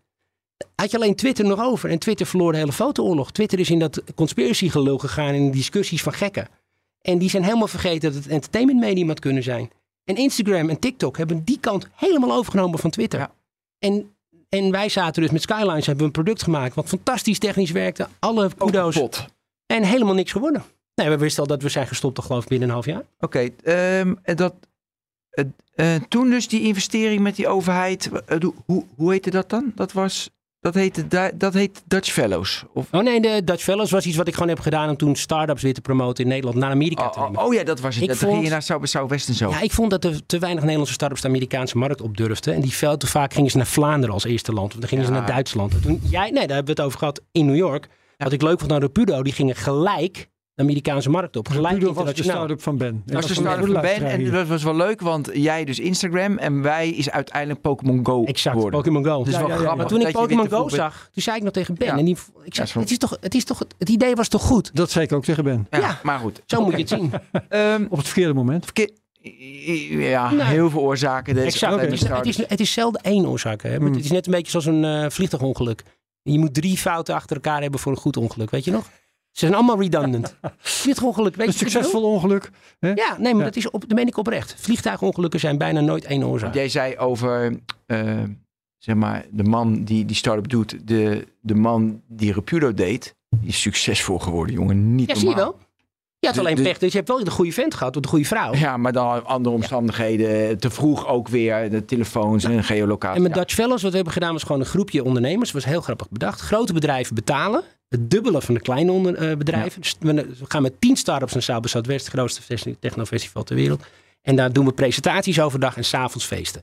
Dat was mijn IDT-achtergrond die ik ertussen mee had gekregen. Hadden we vrouwelijke DJ's. Wat ze in Amerika nog nooit hadden gezien. Die dachten, eh, hadden ook vrouwelijke danseressen, moet ik erbij zeggen. En ehm, wij hadden... eh, eh, als je kijkt onder die groep start-ups, de, de start-ups die dan voor 2012 mee waren, konden dan kiezen wie er in 2013 gingen. En die start-ups betaalden bijvoorbeeld 5000 euro om mee te doen en de grote bedrijven betaalden 10.000. Maar die kregen dan weer de helft van de branding. Dat is ook heel grappig. Dus IBM stond heel klein, Amazon stond heel klein Maar die is... eh, en die start-ups stonden heel groot. Alleen, eh, je ziet toch dat bedrijven die zich, dat daartussen zat, bijvoorbeeld Flyer, dat heette toen Hubskip van Alexander Mans. Een bedrijf, Zeg maar niks meer. nee ja, heeft net 80 miljard opgehaald. Wow. Eh, daar ik- zat eh, Blendel tussen, daar zat Van Moof tussen. Hebben in totaal Ja. nu al eh, enkele honderden. Die, dat zijn echt bedrijven die, er zaten er een paar tussen. En die heb ik, dus ik had wel een neus voor goede bedrijven. Alleen, je kon er niet in. Hubskip toen ook al, was ook al closed met Amerikaanse Ja, investeerders. oké. maar nu dat eh, die overheid eh, v- 4 miljoen en dan moest je ook inbrengen 4 miljoen en dat werd uiteindelijk een conflict, want de overheid zei van je hebt die bedrijven niet bij elkaar en toen... Nou, het is eh, eigenlijk heel simpel, het conflict. Ik heb het terug weten te brengen tot de kern, want eerst snapte ik het ook niet. 2000, september 2012 waren verkiezingen. Toen Ja. kwam er een nieuwe minister van Economische Zaken. En eh met Henk Kamp van de VVD, daarvoor was het Verhagen van het CDA. Verhagen zei zoveel mogelijk dit soort regelingen voor stimulering. Net als het Obama-plan moesten ze ja, maar stimuleringsvegen- ik? Alleen Kamp die zei ja, hoeveel komt er eigenlijk terug? Typisch VVD, we gaan met de stofkam doorheen. Ook heel terecht, alle twee totaal logisch. Het enige verschil was, we hadden één contract gemaakt in 2011 met de overheid. En er staat gewoon heel simpel in dat wij vijf jaar hadden om onze 4 miljoen in te leggen. Ja. Ik en de investeerders, de investeerders. En de overheid moest binnen twee weken storten. Ik heb dat contract niet gemaakt. Dat deed een advocaat. Ik heb nog nooit een contract gemaakt in mijn hele leven. Daar heb, daar heb ik experts die dat doen. En mijn compagnon is, was advocaat. Die heeft 40 jaar succesvol advocatenkantoor in Amsterdam. Die heeft dat hele contract gemaakt. Wat de overheid na september 2012 opeens zei is... wacht even, wij, jullie moeten ook binnen twee weken storten. En wij zeiden helemaal niet. Waar staat dat in het contract? Laat maar zien. Nou, en uiteindelijk is die hele rechtszaak ontstaan. Heeft het ministerie van Economische Zaken aangifte gedaan... bij de Nederlandse Voedsel- en Warenautoriteit. De om maar iets NVWA. te noemen. Dat bleek onderdeel van hetzelfde ministerie. Die rapporteerde aan dezelfde minister. Maar die heeft een tak, die, heet het, een, eh, die heeft een juridische tak, het OM. Dus die hebben aangifte gedaan, linkerhand bij zijn rechterhand. Die is in behandeling genomen. Dan heb ik al zes jaar een rechtszaak. En het hoge beroep moet nog steeds plaatsvinden. Ik wacht nu al drie jaar op het hoge beroep. En de, de Maar kennis de- van de veroordeling is dat zij zeggen... ja, jij hebt bewust verzwegen dat jullie niet hadden gematcht. Terwijl wij zeggen, bewust verzwegen... we hoefden niet eens te matchen. We moesten matchen voor 31 december 2014. We hadden vijf jaar om onze 4 miljoen te doen. En zij zeggen, nee, jullie moesten gelijktijdig met het ministerie Ja. Dat is eigenlijk de kern. Bij de eerste rechtszaak was het vijf maanden onvoorwaardelijk, toch? Zes maanden. ongeveer. Zes maanden onvoorwaardelijk. En Herbert en ik, voordat we begonnen, zeiden... het lijkt ons heerlijk om even zes maanden lekker te zitten. Een beetje boeken lezen, rust. Dat doe ik nu al. Ik woon al zes jaar in Singapore en in Bali. Dus Ja? eh, nou, boeken lezen lukt me niet zo. Ik Nee, vind het eh, maar lastig. wel, ik vind het, wel ik de vind het rust. lang duren. Maar heb je veel vrije tijd nu? Nou, dat is een goede vraag. Eigenlijk een goede vraag. Ik, ik, heb, ik ben het leuk aan het verdelen, laat ik het zo zeggen. Dus ik, be- ik besteed wel veel uren, maar ik heb weinig druk. Wat, wat doe je in je vrije tijd? Want je zegt ik lees niet. Nou, na het investeringsfonds, toen het eindelijk was afgerond, die hele happening, ehm, ieder geval, de- die looptijd van investering hield open. Het ministerie matcht niet, hoefde mijn investeerders ook niet meer te matchen. Plus, ik moet ook stopte zeggen, dat. stopte. Toen ben ik, eh, ik wilde toch niet nooit meer ondernemen. Toen ben ik gaan nadenken wat ik wilde gaan doen weer. En toen, eh, heel toevallig, werd ik gevraagd als adviseur ben, waar jij Ja, niet Joint VR, maar daar hebben we een hele podcast over gemaakt, vijf jaar geleden of Ja. zo. Ja. Dus we kunnen Joint overslaan. Zet het in de show notes. Jaunt, J-A-U-N-T-E. Nou, ik heb twee dingen gedaan, heel kort. Ik ben adviseur geworden bij een bedrijf van een vriend van mij, Arthur van Hof. Nederlands beste technoloog, nog altijd naar mijn mening. Eh was een VR-bedrijf. Je hebt 100 miljoen opgehaald. 160 vriend. Niet normaal. Wil je eigenlijk een beetje respect tonen? Nee. Maar dat is en die hebben wij dus opgemaakt, 160. Ja, is niet gelukt. Opgemaakt. Dus het bedrijf is ook alweer Nou, Arthur eh, zei vanaf dag één tegen alle investeerders: dit is een markt voor 10 jaar. Het gaat 10 jaar duren deze markt te ontwikkelen. Heb ik bijgestaan. En investeerders zeiden: dat is goed. Terwijl ik dacht: wat? 10? Ik ken in de technologie alleen drie jaar. 10 heb ik nog nooit gehoord, een horizon van 10 jaar. Hij zei het. Zuckerberg zei: Zuckerberg ook. Ja, ik wil Ja, zeggen, ja. het is in zoverre correct dat eh, ze, men vindt nog altijd VR veelbelovend. Exact, nog altijd. Ja. Jaar geleden. Dat bedrijf heeft niet gered, omdat er simpelweg geen gebruikers waren van VR. Omdat de technologie niet op het punt is dat het massaal kan worden geproduceerd op een manier die goedkoop genoeg is voor een breed publiek. Ja, maar even... En comfortabel genoeg. maar Exact. Herbert, vijf jaar geleden, toen jij hier zat, trokken we al de conclusie, je zet niet zomaar 20 miljoen of 30 miljoen headsets in de markt. Klopt. Dan, dat is, dat, Maar daar waren we al drie over eens. Het gekke is dat die investeerders zich dus weer terugtrokken na een paar jaar. En dan zaten dus in Google, Disney, China Media Capital. waren echt de grootste investeerders ter wereld bij John. Eh, en alleen op een gegeven moment zeggen mensen toch, ja, de tien jaar blijkt toch wel lang. We gaan toch andere focus leggen. En dan stoppen ze met de investeren. hele ballon is nu leeggelopen. Die is al gestopt in 2018 of zo, Ja. denk ik al. En eh, wat, ja. wat zeg jij nu van het streven van eh, Zuckerberg naar een metaverse? Ik denk dat mensen die niet zo goed zijn met mensen, heel vaak denken dat het in een andere wereld beter is. Ik denk dat dat geldt voor Elon Musk en voor Zu- Zuckerberg. Ik denk De dat wil naar deze, Mars en de andere wil naar... eh, ik denk de dat de 3D meeste aarde is over, ik wil naar Mars.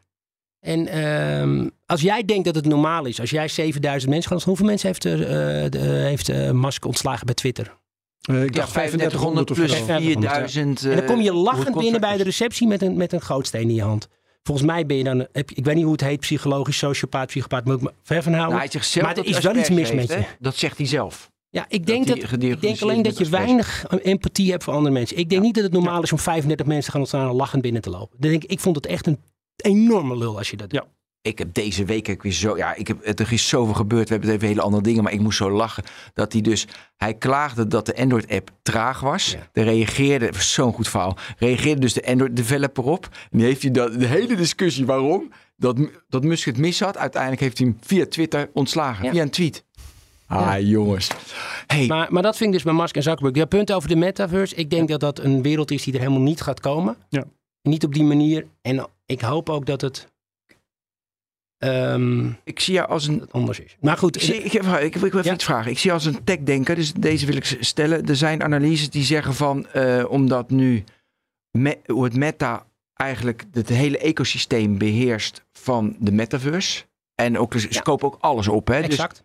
en je kan pas echt innoveren. Want daarom, Als je het open als je ontwikkelomgeving open hebt, dat ja. je veel meer kleine bedrijfjes hebt die proberen. Dus het is te vroeg dichtgemaakt door alles bij één bedrijf te doen. Ja. Dat ben je met die analyse. Helemaal eens. Oké, ik denk dat dat helemaal niet. Maar even, ik wil één ding, dat is meer voor, voor de luisteraars.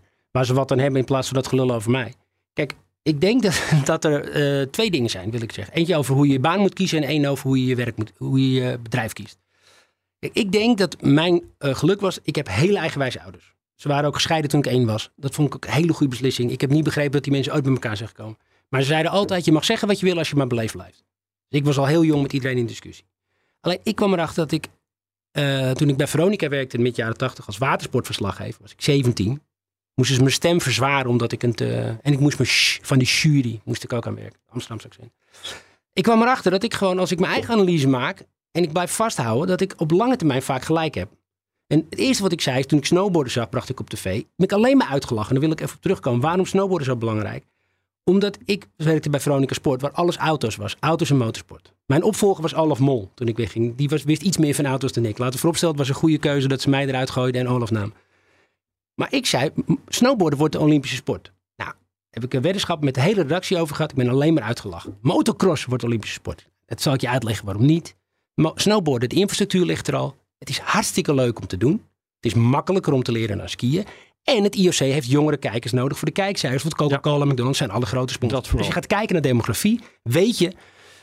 Zes jaar duurde het voor ik gelijk kreeg. Maar dat was precies in 92, 93 toen internet opkwam. Toen ben ik zes jaar lang uitgelachen toen ik zei internet wordt een massamedium. Ik heb met Herbert, dus mij op de redactie geweest, ook nog met, was TV? Eh, dat zou goed kunnen, ja. 30 Ja, jaar ja, geleden, ja. bijna 30 jaar geleden. Uitgelachen door mensen die zeiden, dit wordt een massamedium. Mensen zo, hoezo? Een computer staat in de studeerkamer. Het wordt nooit een massamedium. Ik zeg, hij staat nu in de studeerkamer. Dat zou ik zomaar ook gezegd kunnen hebben toen. Nee, dat was een kritische vraag die jij dan moest stellen als semi-journalist. Dat heb je heel goed gedaan. Maar doorzet. Toen heb ik hetzelfde met de mobiele telefoon. Al die mensen weer tegen mijn hoofd Ja. zeiken. Alleen drugsverslaafd. Hoe heet het? Drugscouriers hebben mobiele telefoons. Wie maakt... Vol, dat, was, dat was met mobiele telefoon. En vervolgens was het met blockchain. Met, met Daar VR zitten we hebben nu, hè? We altijd hebben, we gezegd... hebben John VR Daarom. gehad. Nee, maar daarom zei ik, John, we hebben altijd gezegd met VR, dat duurt tien jaar. Dat, hebben we het- dat, luister de podcast maar terug hier van zes Ja. jaar geleden. Vijf jaar geleden. Vijf jaar geleden. Maar toen ik hier leerde over blockchain, want dat heb ik, dat is zo grappig, van Herbert geleerd. In BNR Digitaal tussen 2012 en 2015 ging het heel vaak over bitcoin. Ja. En er zijn opnames terug op. Daar word ik elke keer door die bitcoin fanaten mee om de oren geslagen. Dat ik zei dat ik het onzin vond. Want er was geen centrale eenheid. Er was manipulatie, hacks. Ik had helemaal niet door dat dat de exchanges waren. Ik had me helemaal niet in verdiept. Ik had het heel druk met mijn investeringsfonds, rechtszaak. Dus ik vond het leuk om hier van Herbert nieuwe dingen te horen. Maar ik heb me nooit in verdiept. Pas toen ik dus stopte en dingen ging lezen, heb ik het Bitcoin whitepaper eens gelezen. En dat is dus mijn vaste checkvraag voor mensen. Heb je, die het hebben over Bitcoin, zeg heb je het whitepaper gelezen? Dan zeggen ze heel vaak ja. En dan zeg ik altijd, kwam je er doorheen? Wat een boekwerk, hè? Dan zeggen mensen, nou. en dan zeg ik echt waar, het is zeven pagina's, inclusief de bronvermelding. En dan weet je gelijk, nou, mensen die niet het whitepaper hebben gelezen, tel ik mezelf mee, en wel een mening hebben over Bitcoin. Ik wil niet zeggen, ik wil het netjes zeggen, vind ik minder relevant wat ze erover zeggen. Interesseert me gewoon niet wat die ervan vinden. Als je het niet hebt gelezen, ik heb met zoveel mensen discussie Maar over wat, wat doe je nu? Nou, het punt Blue was, het, ik vond dus, ik vond Bitcoin heel leuk. Eh, eerst helemaal niet leuk. Toen heb ik in het. Dankzij Herbert. Nou, we hebben Bitcoin gekocht. Ja. Verkocht naar de Mt. Gox hack, want het deed niks meer. Ik weet ook helemaal niet meer hoe we het ooit hebben gekocht. Ja, Bitonic of een van die Eh, Nederlandse misschien nog platformen. gekocht op Mt. Gox, maar Bitonic eh, was er ook vroeg bij. Maar ik had Dus helemaal geen wallet en alles. Hoe heb ik dan ooit die dingen gekocht? Ik had er tien gekocht voor Nou, duizend euro. In sommige gevallen kon je ze laten staan waar je ze kocht. Ja. Maar dat hangt een beetje vanaf waar dat, Maar dat hebben we toen in ieder geval gedaan. In ieder geval, ik Ja. heb het gedaan, maar volgens mij jij toen ook. Want we een paar mensen in het programma hebben het toen Ik heb gedaan. mijn eerste bitcoin gekocht in 2014 pas. Oh, toen ik verkocht dus. Nou, ik dus iets eerder. Ik ze had voor van jou 1000 euro gekocht, eigenlijk door het programma van Herbert. En toen deed twee jaar echt bijna niks. Toen kwam die Mount Gox hack. Heb ik ook weer hierover gedacht. Ja, weet je wat, ik verkoop die rommel ook. Het staat nu tien keer zo hoog. Dus ik heb ze verkocht voor, eh, ik geloof voor, voor 300 of zo. Voor 30 gekocht en voor 300. dacht ik dat ik, ja, tien keer je geld als Ja, leuk, Leuke ja. winst, joh. Uitstekend, Michiel. toch? Ja. Top, ja, prima. Goed Ja, gedaan. Dus dat vind ik altijd leuk. dat mensen altijd over hun successen hebben. Als ik met mensen praat, dit ging goed en dat goed. Denk ik altijd, waarom heb je, er ging niks mis. dit Nee, is toch gaat-. Alles gaat mis. Maar toen, kwam, toen ben ik eigenlijk door het whitepaper op blockchain geland. Eh, ben ik meer van verdiepen in blockchain. En het heeft me eigenlijk geduurd tot 2016, 17. Dus dan praat ik over vijf, zes jaar durende reis. Tot ik begreep dat blockchain gaat over decentralisatie juist. En dat de kern daarvan is de decentralisering. En of de bitcoin is, of een altcoin of Ethereum. Dat klinkt een beetje raar, maar dat is minder relevant. Het is de hele kern van die blockchain is transparantie en decentralisering. En daar, kun- daar is de volgende grote slag. Die is net zo groot als mobiel was. Dat meen ik echt. Het is gewoon, dit is zo'n grote innovatie. En ik ben alleen heel verbaasd dat het zo lang heeft geduurd. Die ene, nog eh, steeds lang. 2016 deden wij een jaarprognose. We moesten vooruitblikken. Toen had ik gezegd, wordt het jaar van de blockchain. Dat ik er eentje, eentje goed. Maar dat was omdat er een eh, Hardwell had een single uitgebracht in de blockchain. De rechten in de blockchain. En ik had gedacht, dit wordt de norm, dit wordt de standaard. En wat mij verbaast is de adoptie van blockchain in het grote bedrijfsleven, in de cultuur. Dat, dat verbaast mij, dat het alleen maar op dat speculeren blijft en op dat beleggen. Ja. En ik heb Herbert en Daniel volgens mij gisteren een screenshot gestuurd van mijn neefje die al zijn geld kwijt is op FTX. Ja. Eh, Zo. ja, dus in mijn eigen familie luisteren ze ook niet. Nee. Eh, maar mijn punt is, dat hele blockchain is zo'n lange termijn trend. En wat wij met Blue Note hebben gedaan, eh, heel kort is... Wij hebben eh, een stichting opgericht met een paar vrienden eigenlijk samen. Eerst met Alliander, geen grap, waar ik adviseur was. Ja. Werd ik gevraagd adviseur. Eh, en met eh, het Nederlands Centrum Handelsbevordering. Eh, een stichting om internationaal energieinitiatieven in kaart te brengen. En te financieren wat de beste kansrijken waren tegen eh, CO2-uitstoot. Alleen Alliander moest zich terugkrijgen, want die mag van de commissaris niet internationaal werken. Die gaan het eh, klimaatvraagstuk lokaal oplossen. Ehm ten tweede, NCH stopte, Nederlands Centrum. En toen was ik in één keer voorzitter van een stichting, waar ik eigenlijk als adviseur bij betrokken was. Maar die hadden een fantastisch internationaal netwerk. En zo heb ik mensen in Amerika en Azië en in overal leren kennen. En dan heb ik gewoon gezegd, kijk, wat kunnen we nou eens gaan doen aan projecten die duurzaamheid bevorderen, maar die zelfstandig winst maken zonder overheidsbijdrage. Dus geen subsidies, geen eh, donaties. Echt een business case die leidt tot CO2, eh, daling van CO2-stijging. En wat interessant is, is toen we toch, kwamen we toch uit de blockchain. En wij hebben dus een protocol ontwikkeld, Blue Note, waar we nog steeds aan werken, maar te weinig geld voor hebben om echt goed te doen. En dat zou dus een open source protocol zijn waarmee je de verificatie kan doen van carbon credits. Dat je echt kan zeggen, is dit een echte carbon credit? Of zegt iemand dat er een boom in het Amazonegebied staat? Of staat er echt en hoeveel reduceert die? Ja. En dat is open source. Eh, hè, wat En- gaat dat wat worden, dat Blue Note? Of is het... eh, Ik wou net aan Michiel gaan vragen of dat, toch, eh, of dat op dit moment wat aan het worden is. Nou, tot mijn stomme verbazing, wij hebben dus heel voorzichtig rustig doorgebouwd. En eh, nooit het ding op de beurs gebracht. Want dat we moesten eerst moet je wat hebben. Ik ben dat betreft echt ouderwets. de Je moet eerst een product hebben. Ja, ja, Nee, ja, maar dat, is in crypto. dat- Ben je dus echt ouderwets als je dat zegt. In Ja, de maar- tussentijd heb ik twee hypes ge- gemist. twee. Ja, dat zijn... eh, ja. Ja, maar dat interesseert me dus niet zo heel erg. Dus ehm, alleen wat je dus nu ziet is dat waar heel veel belangstelling voor is, geen grap, is voor eh, blockchain projecten die echt zijn, die echt software hebben en die iets doen wat waarde heeft. En in ons geval denken wij dat wij dus met het Blue Note protocol en de betaalmunt die je daarvoor nodig hebt, de BNOW, kan aantonen dat wordt gebruikt, is onze doelstelling, als verificatie van carbon credits. Dus dat jij echt kan zien bij elke carbon credit waar die, op, waar die is ontstaan. Die moet je via eh, de NFT kunnen zien. Welke Tesla was dit? Was dit Ben? Hoe laat reed Ben zijn Tesla? Of dat je helemaal, Ben dan niet, maar reed iemand zijn Tesla en dan kan jij je eigen carbon credits verkopen. En het idee is eigenlijk dat wij een verificatieprotocol hebben ontwikkeld, wat gebruikt gaat worden voor verificatie van carbon credits. Dus er zit een echte business case in en om onze verificatie te gebruiken moet je een klein procentje betalen ehm, aan ons als softwareontwikkelaar. Maar het is open source en het punt is, ik verwacht wel, nou, wat, wat, laat ik het anders netjes zeggen, er zijn heel veel mensen die nu belangstelling hebben om daarin te investeren. Terwijl ik een rechtszaak heb, ik ben veroordeeld tot zes maanden cel, moet je je voorstellen. Als je mij googelt, dat de eerste drie pagina's. ja, ik zag het, ja. Er is gewoon helemaal niks aan te doen. Ook al word ik vrijgesproken. Dit gaat nooit meer weg. In Nederland, ik verhuisde naar Azië, maar het was niet alleen maar omdat ik eh, graag in de zon lig. Ik lig namelijk nooit in de zon. Dus eh, ik krijg zonnevlekken, zie je. Dus, ehm, Het was ook een vlucht. nou, vlucht wil ik niet zeggen, maar mijn vriendin is Instagrammer, die reisde. Het was voor ons leuker om met, ik als haar fotograaf, ik maak graag foto's, fotograaf te gaan werken. Maar in Nederland als ondernemer, als, als ik dat had gewild, of als investeerder, adviseur, Heeft weinig zin meer. dat was gewoon kansloos. Ja. En het grappige is nu dat door de tijd heen is het probleem wordt alleen zo groot van, CO van eh, klimaatopwarming dat mensen gewoon echt kijken, oké, wat is je software, wat doet je bedrijf? Maakt zich geen moe wat ik doe. Ik heb formeel geen functie in het bedrijf. Ja. Dus het is, ehm, dat is wel zo grappig van decentralisatie. En dat wou ik nog even zeggen over leiderschap. Dat was mijn punt. Wat ik echt wil zeggen. De meeste mensen die dus iets gaan kiezen waar ze gaan werken, die kijken heel raar, heb ik gemerkt, nog vind ik. Kijk nou eerst naar de trend. Dus is snowboarden, is het op zichzelf leuk? Of is internet, zou het leuk kunnen zijn? Of mobiel, slaat het ergens op? Dan kies je. Dan kies je daarbinnen een partij waar je graag zou willen werken. En daarna moet je pas kijken naar je salaris. Maar de meeste mensen draaien het om. Die kijken altijd eens wat is mijn functie, mijn salaris. Dan wat doet het bedrijf. En dan pas wat is de macrotrend. Dus ik denk dat je beter is naar de macrotrend gaan kijken. Ja, dat begrijp ik. Dan naar je eigen functie. eh, eh, naar, de cultuur van het bedrijf. En dan naar je eigen functie. En dat mis ik heel erg bij eh, Ja. ondernemers. Oké, ehm, ja, we, we zijn 1 uur 12 zijn we al en we kunnen nog uren doorgaan, maar we moeten stoppen. Dus nee, we gaan stoppen. Ja. En ik, ik, ja, heb jij nog een laatste vraag? Nee. Oké, wa- wat, wat dat je, an, eh, vraag nog. Ja. Wat achteraf terugkijkend op jouw leven, dat mag je nu doen als oude man. Wat dat je, wat, wat, wat, geef, wat voor advies geef je jezelf? Wat dat je anders moeten doen? Of een tip of een hey, Ik zou sneller naar mijn gevoel hebben geluisterd. Dat je voel je onderbuikgevoel, het klopt Juist, niet. En dan onderbuikgevoel niet doen en toch doorgaan.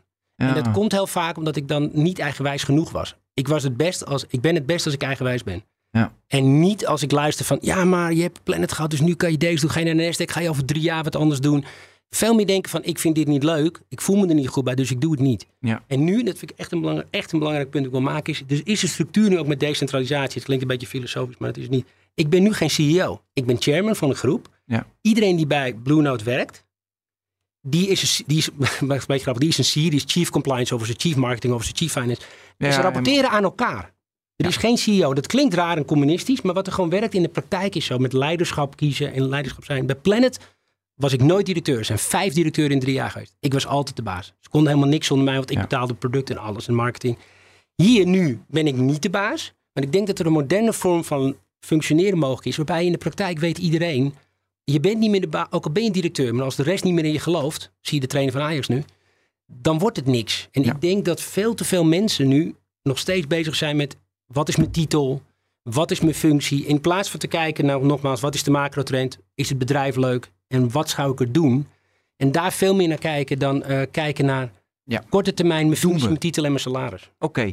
Eh, ik heb ook nog een verzoek, want we hadden ook nog dingen over investeren Azië. Dat hebben, zijn we allemaal niet aan toegekomen. Een verzoek, eh, blijf lang je, al je expertise en kennis en je ervaringen delen met de wereld. Want da- da- daar hebben mensen wat aan en het is prettig. Herbert, Dankjewel. heb jij nog een tip? Nee, Ik heb ook geen tip. Dit was technoloog nummer 311. Herbert bedankt. Ben bedankt. Michiel bedankt. Tot de volgende technoloog. Hoi.